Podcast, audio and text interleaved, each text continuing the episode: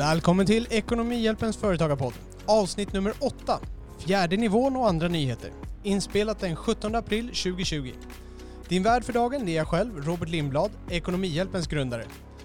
Denna podd använder vi för att sprida företagsekonomiskt kunnande, bra företagartips och för att lyssna med andra företagare om vad som händer i deras värld. Idag kommer vi bara kort sammanfatta de nyheter som på sistone framkommit om de olika stödåtgärderna. Framför allt den föreslagna fjärde nivån av korttidspermittering. Den här podden är givetvis möjliggjord av redovisningsbyrån Ekonomihjälpen. För mer information så kan ni gå till ekonomihjälpen.se. Där finner du också fler avsnitt av vår podd och vår blogg där vi försöker sprida så mycket tydlig företagsekonomisk information som möjligt i dessa ovanliga tider. Nu kör vi!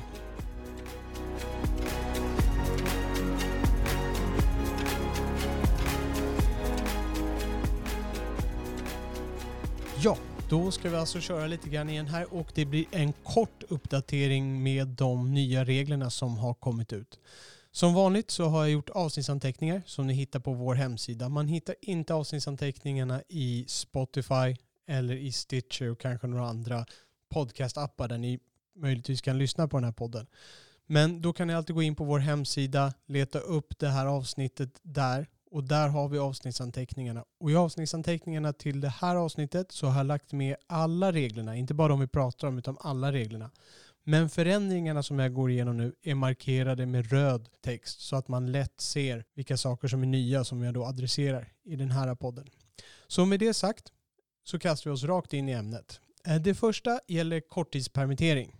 Den lilla delen här är att de inte helt oväntat har gått ut med att handelsbolags ägare inom situationstecken inte kan få korttidspermittering. Och det här var ju inte så förvånande eftersom man har uteslutit enskild firma och en enskild firmaägare och en handelsbolagsägare är i princip i samma sak. De fungerar på samma sätt skattemässigt. Så att den ene skulle få vara med och inte den andra var konstigt från början. Och nu har alltså Tillväxtverket gått ut och sagt att handelsbolagsägare kan inte heller omfattas av det. Men om handelsbolaget skulle anställa, precis som enskilda firman skulle anställa, så kan de anställda omfattas av det, men inte ägaren inom situationstecken. Och jag sätter det inom situationstecken just för att man är inte ägare i dess egentliga mening. Men vi förstår vad vi menar. Sen kommer den stora saken. Det tillkommer en nivå. Tidigare så har man kunnat sänka arbetsnivån med 20%, med 40% eller 60%. Man sänker det med de här tre procentsatserna. Nu kommer det tillkomma en ny procentsats. Man kommer kunna sänka den med 80%. Så den anställde jobbar bara 20% av sin normala arbetstid. Och då kommer det se ut så här. Den anställde går ner i arbetstid 80%. Den förlorar dock bara 12% av sin lön. Arbetsgivaren betalar 8% av de här 80 som man sänker med medan staten går in och tar 60%. Så att arbetstiden minskar med 80% men lönen minskar för den anställde bara med 12%. Och arbetsgivaren betalar för de här 20 procenten som den anställde fortfarande jobbar plus 8 procent till. Och resten sticker staten till. Det är alltså 60 procent av den här 80 av de det är alltså 60 procent av de här 80 procenten som sticker staten till. 8 sticker arbetsgivaren till och den anställde förlorar 12 procent av sin lön som den hade haft normalt. Så det är den fjärde nivån. Men den här är fortfarande ett förslag. Det här förslaget kommer att beslutas om i slutet av maj. Japp, i slutet av maj. Men det kommer gälla retroaktivt från första maj. Det betyder alltså att man kan inte ha 20% arbetstid, det vill säga 80% minskning nu, här i april. Utan det är från första maj man kan ha det här. Det väcker också en del frågor. Vi som redan har skickat in till Tillväxtverket och begärt korttidspermittering och fått stödet till och med. Om vi nu skulle vilja gå ner på 20% från första maj, då måste vi alltså skriva ett nytt avtal med de anställda och söka in, skicka in en ansökan på nytt. Eller? Tillväxtverket har sagt att ny ansökan ska inte krävas. Och om man då tänker på deras tidigare uttalande att man när man tittar på den här avstämningen ska ske tre månader efter man har beviljat stödet så ska man ju då kunna se att om man har sänkt ännu mer så skulle det finnas möjlighet att få ännu mer stöd. För hade man inte sänkt lika mycket som man hade begärt då skulle man få betala tillbaka. Så att på något sätt kanske blir så att om man då sänker till 20%, man har då först sagt att man har tagit max då, man har sänkt 60-procentiga så att man, de jobbar 40 procent. Och sen då från första maj, då går man ner, skriver ett nytt avtal med sina anställda och sig själv om det behövs för att man ska uppnå de här 70 procenten. Fortfarande gäller alla de reglerna. Så skriver man då nytt att från första maj, då jobbar vi bara 20 procent. Så man har gjort den 80-procentiga sänkningen i max från första maj. Och sen vid avställningstillfället, då kanske man får berätta att ja, vi gick ner och körde bara 20 procent från första maj. Och då får man ett bidrag till. Det här är gissningsvis en metod som skulle kunna användas. För om man då inte ska skicka in en ny ansökan så då måste det se ut någonting i den här stilen. Och det vi ska säga också gällande det här med avstämning, det har inte riktigt relaterat till avstämningen, men de har gått ut och sagt att missbruk av det här systemet, det kommer att beivras. Det ryktas att det är många som försöker trixa och knixa och hitta luckor och använda det här systemet till sin egen vinning. Och därför har Tillväxtverket, eh, de har sin egen personal för det första som redan kommer hjälpa till att granska det här. Men de ska också få 100 handläggare från Skatteverket som kommer förstärka dem. Och det här är 100 av de här killarna som är vana att sitta och hitta fuskare. Så de ska komma dit och hjälpa till och hitta de som kanske försöker missbruka det här systemet. Sen ska Skatteverket få 130 nya medarbetare som ska hjälpa till att kontrollera framför allt personalliggare. För det här är ju många av de branscherna som kan använda de här reglerna. Vi tänker på restauranger kanske som är en av de som syns i skyltfönstret allra mest utåt i media. Så där kommer de att gå ut och granska de här branscherna och se att de verkligen uppfyller de här reglerna det här kan jag förstå, för att det här är inte rätt läge. Jag är inte den som backar för att hitta en bra skattemässig lösning. Inte fuska, men hitta en bra skattelösning. Men nu är det inte läge att gå in och utnyttja systemet inom situationstecken. Nu är det läget att har vi ingen ekonomisk kris, då, då skiter vi i det här. Det finns de som sitter så jäkligt på pottan. Så att de här pengarna behöver öronmärkas till dem. De personerna behöver få det här. Staten är inte bara en jättestor kassako som kan hulka ut hur mycket pengar som helst. Staten är vår lagpott. Det är vi som stoppar in pengarna i den för att vi ska kunna få tillbaka den när det behövs. Och nu behövs det. Vissa av oss behöver det här mer än andra gör. De måste få de här pengarna. Så att missbruk kommer beivras. De går ut och talar i stränga ordalag om det här. Så se till att ni söker det här stödet bara om ni behöver det. Det var det som jag tänkte ta om korttidspermittering. Och jag tänkte gå över till anstånden med skatt och moms. Det är det här anståndet att man kan skjuta på tre månaders arbetsgivarskatter eller moms och skjuta det upp till ett år. Där har det varit mycket tal om den här räntan. Tidigare var det en ränta som motsvarade 6% cirka. Den har man nu sänkt. Så att de första sex månaderna, man kan låna upp till ett år, de första sex månaderna, då blir det bara skattekontoräntan. Det är 1,25 procent. De sex sista månaderna, då lägger man på den här avgiften som de tidigare skulle ha under hela tiden. Och tidigare var avgiften 0,3 procent per månad, varje månad man hade det här lånet. Nu blir det bara 0,2% i avgift på de sex sista månaderna. Så att om man bara lånar ett halvår och sen betalar tillbaka, då betyder det att då har du bara 1,25%. Men annars så lägger de på den här avgiften med 0,2%. Sen är det så att den här räntan på, till Skatteverket, den är inte avdragsgill. Så när du betalar din skatt vid årets slut i ditt företag, då får du inte dra av den här kostnaden när du beräknar skatten. Det får du göra med vanlig ränta. Så för att få en jämförbar ränta, hur mycket skulle det här vara om man tog det på en bank? Då kan man tänka sig att det här motsvarar en årsränta på 3,1 procent. Och nu börjar man tala om rimlig ränta. 3,1 procent, även i dagens ränteläge så är inte det en ränta som man behöver svettas särskilt mycket för. Därför känner jag att jag kan rekommendera de som behöver de här pengarna att ta det här lånet, ta det här anståndet och skjuta den här skatten på framtiden. Så det var nyheterna om anståndet som man hade.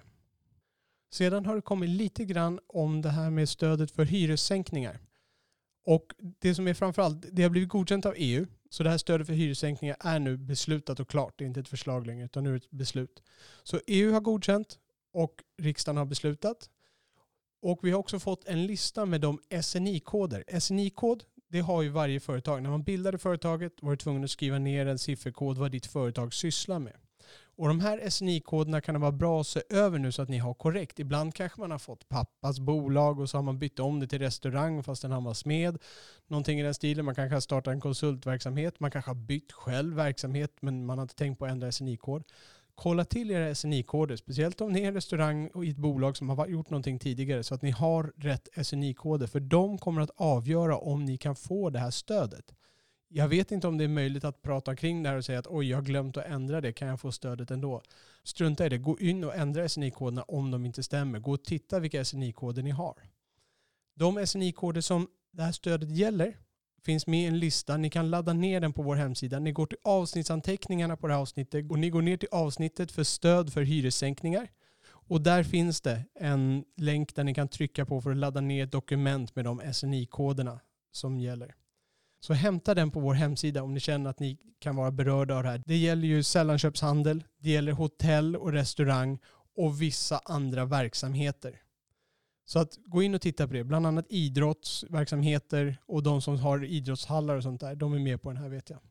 Så det om hyressänkningen. Sedan har det kommit några smärre beslut här.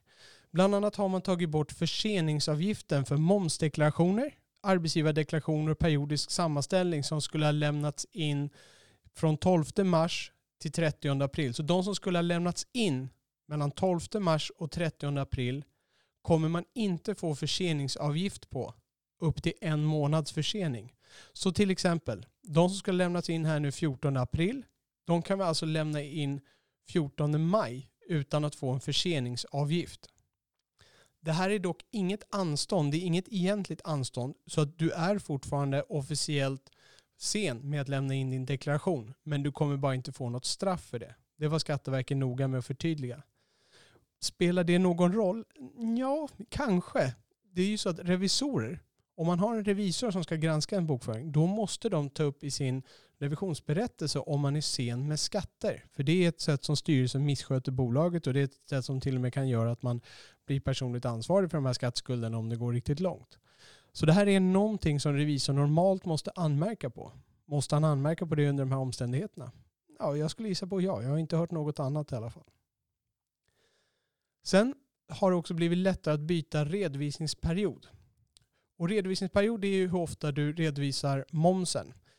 Det vill säga betalar du din moms varje månad, varje kvartal eller varje år. Du är någon av de tre du har att välja på om du har moms att betala. Normalt är det så att om du har månadsmoms, då måste du ha det 24 månader, alltså i två år måste du ligga på månadsmoms innan du får byta till någonting mer sällan, det vill säga kvartalsmoms eller årsmoms. Samma sak om du ligger på kvartalsmoms. Då måste du ligga på det 24 månader innan du får byta till årsmoms. Men du kan få byta tidigare om särskilda skäl föreligger. Och här har då Skatteverket gått in och sagt att coronakrisen är särskilda skäl. Så att om vi vill byta från månadsmoms till kvartalsmoms trots att vi precis har startat bolaget eller om vi precis har bytt ner till månadsmoms så kan vi göra det nu. Dock gäller de vanliga reglerna. Vill du ha årsmoms, betala moms en gång om året, då får du max ha en omsättning. Du får alltså sälja för max en miljon kronor, exklusive moms givetvis. Och vill du ha kvartalsmoms, ja då måste du sälja för max 40 miljoner kronor. Så där hamnar många småföretagare då inom och kan i alla fall använda sig av kvartalsmoms. Och de allra minsta enmansbolagen kan säkert titta på årsmoms. Och det här kan ju vara en bra idé för er som betalar moms. Vissa företag får ju oftast tillbaka moms, men för er som betalar moms kan det här vara ett sätt att skjuta på momsen lite grann och få behålla de pengarna i alla fall på kontot. Det ska också på samma not bli lättare att byta till kontantmetoden. Det finns ju två metoder man väljer när man redovisar moms. Du har kontantmetoden och du har faktureringsmetoden. Kontantmetoden innebär att du får betala moms när du får betalt. Så när din kund betalar din faktura, då får du skicka in momsen till Skatteverket. Den månaden hamnar den momsen i. Faktureringsmetoden, då hamnar det i den månad du skickar fakturan. Så det är alltså skillnad mellan de här metoderna. Man tittar i faktureringsmetoden på vilken månad man skickar fakturan. Då tillhör momsen den månad. Medan kontantmetoden, det är för den månad som man får betalt från kunden. Då hamnar momsen där. Så det betyder att skickar du en faktura i mars och har faktureringsmetoden, då kommer du få skicka med den i mars momsdeklaration som du skickar in den 12 maj. Men har du kontantmetoden och skickar den här fakturan i mars och så får du betalt i april, för kunden har ju 30 dagar säger vi. Då kommer du med kontantmetoden istället att få redovisa det med aprils moms. Så flödet ser helt identiskt ut i båda de här exemplen för att du skickar fakturan i mars och du får betalt i april i båda exemplen. Bara att i det ena hade du faktureringsmetoden, då hamnar momsen på mars moms. Och i den andra hade du kontantmetoden, då hamnar momsen där du fick betalt, det vill säga aprils moms. Så har du dessutom kvartalsmoms på det här, då blir det jättestor skillnad. Då är det tre månader mellan när du ska betala den här momsen. Trots att flödet ser helt likadant ut i båda exemplen. Så det här kan vara ett sätt för er som betalar mycket moms att skjuta fram momsen ytterligare lite grann på framtiden. Och det är samma sak här. Normalt får man inte byta till kontantmetoden såvida det inte föreligger särskilda skäl. Här har Skatteverket gått in och tolkat att den här coronakrisen är särskilda skäl. Man får dock max ha en omsättning på 3 miljoner kronor för att få använda kontantmetoden. Så de som har över 3 miljoner kronor i omsättning, då är inte det här ett alternativ överhuvudtaget. Och det jag skulle vilja rekommendera att man tänker på när man då skulle kunna fundera på att byta till kontantmetoden. Jo, det är när du har stora intäkter som är osäkra. Nu har du de här kunderna, du, du kanske har hotell som kunder. Mm, kommer de betala där? Eller den här resebyrån som du har gjort marknadsföring, kommer de gå i konkurs? Om du har faktureringsmetoden, då kan du skicka den här fakturan till dem. Och då, men då måste du betala momsen när du har skickat fakturan. Och sen så kanske de inte betalar den här fakturan. Ja visst, du får tillbaka momsen så småningom, men du får ligga ute med momsen hela tiden då, tills dess. Att det är solklart att du inte kommer få betalt för de här. Och då ska du ha gått till inkasso helst och försökt kräva in de här lite kronofogden. Och det ska kunna registreras som en kundförlust för då får du tillbaka momsen. Men har du istället kontantmetoden, då kan du skicka iväg den här fakturan lite tryggare, för du behöver inte betala någon moms. Visar det sig sen att de av någon anledning inte betalar den här fakturan, då kommer du inte ha legat ute med momsen. Då är det ingen moms att få tillbaka för att du har inte betalat någon moms. Så på så sätt kan kontantmetoden vara ett bra alternativ för något mindre företag just nu som skickar iväg stora fakturer till aktörer som är osäkra. Då kanske man ska fundera på att byta på det här för då slipper man ligga ute med de här momspengarna. Och vill ni byta redovisningsperiod, alltså ni vill byta från månadsmoms till kvartalsmoms eller kvartalsmoms till årsmoms. Eller om ni vill byta till kontantmetoden från faktureringsmetoden. Då kan ni gå in på verksam.se och göra det. Eller så om ni hellre vill göra det via papper och penna så finns, kan man skriva ut Skatteverkets blankett SKV 4639. Så man går in på Skatteverket, söker i deras lilla ruta på hemsidan där på SKV 4639. Sigurd Kalle Viktor 4639. Då kommer ni hitta den blanketten som man behöver fylla i för att ändra både redovisningsperioden och för att ändra till kontantmetoden. Och det var all uppdatering vi hade för den här gången. Så gå gärna in, kolla avsnittsanteckningarna. I det röda står det alla de här nya sakerna. Där hittar ni länken till SNI-koderna för att se vilka branscher som kan begära stöd för hyressänkning. Se till att tvätta era fysiska händer och har ni möjlighet, sträck ut en ekonomisk hand till de som behöver dem. Kör Hej! Du har lyssnat på Ekonomihjälpens företagarpodd, avsnitt 8, fjärde nivån och andra nyheter. Inspelat den 17 april 2020. Din värd för dagen har varit jag själv, Robert Lindblad.